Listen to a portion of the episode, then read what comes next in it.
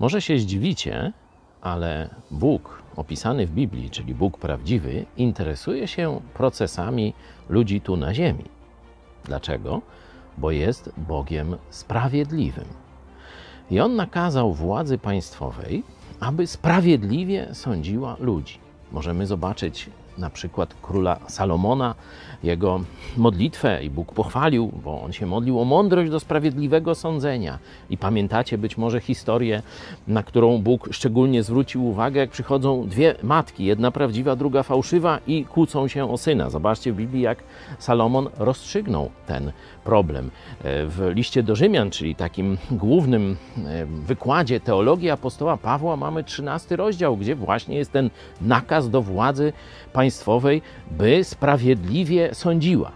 Ale ja zapytam Was jeszcze o coś. Jak myślicie, którymi procesami Bóg szczególnie się interesuje?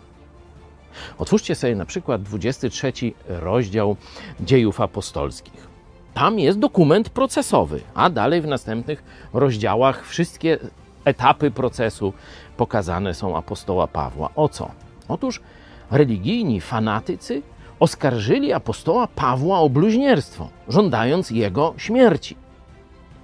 I Bóg w swoim słowie szczegółowo nawet dokumenty procesowe przedstawił z tego procesu. Jeśli byście poszli dalej do e, księgi e, Apokalipsy, znajdziecie Boga, który szczególnie pochyla się nad tymi, którzy zostali zabici, są prześladowani właśnie ze względu na świadectwo o Jezusie Chrystusie.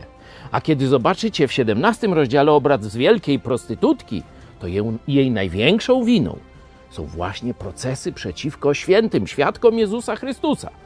I że ich prześladowała, że ich dręczyła, że ich krew przelewała. Bóg patrzy na procesy tych, którzy są prześladowani za głoszenie Chrystusa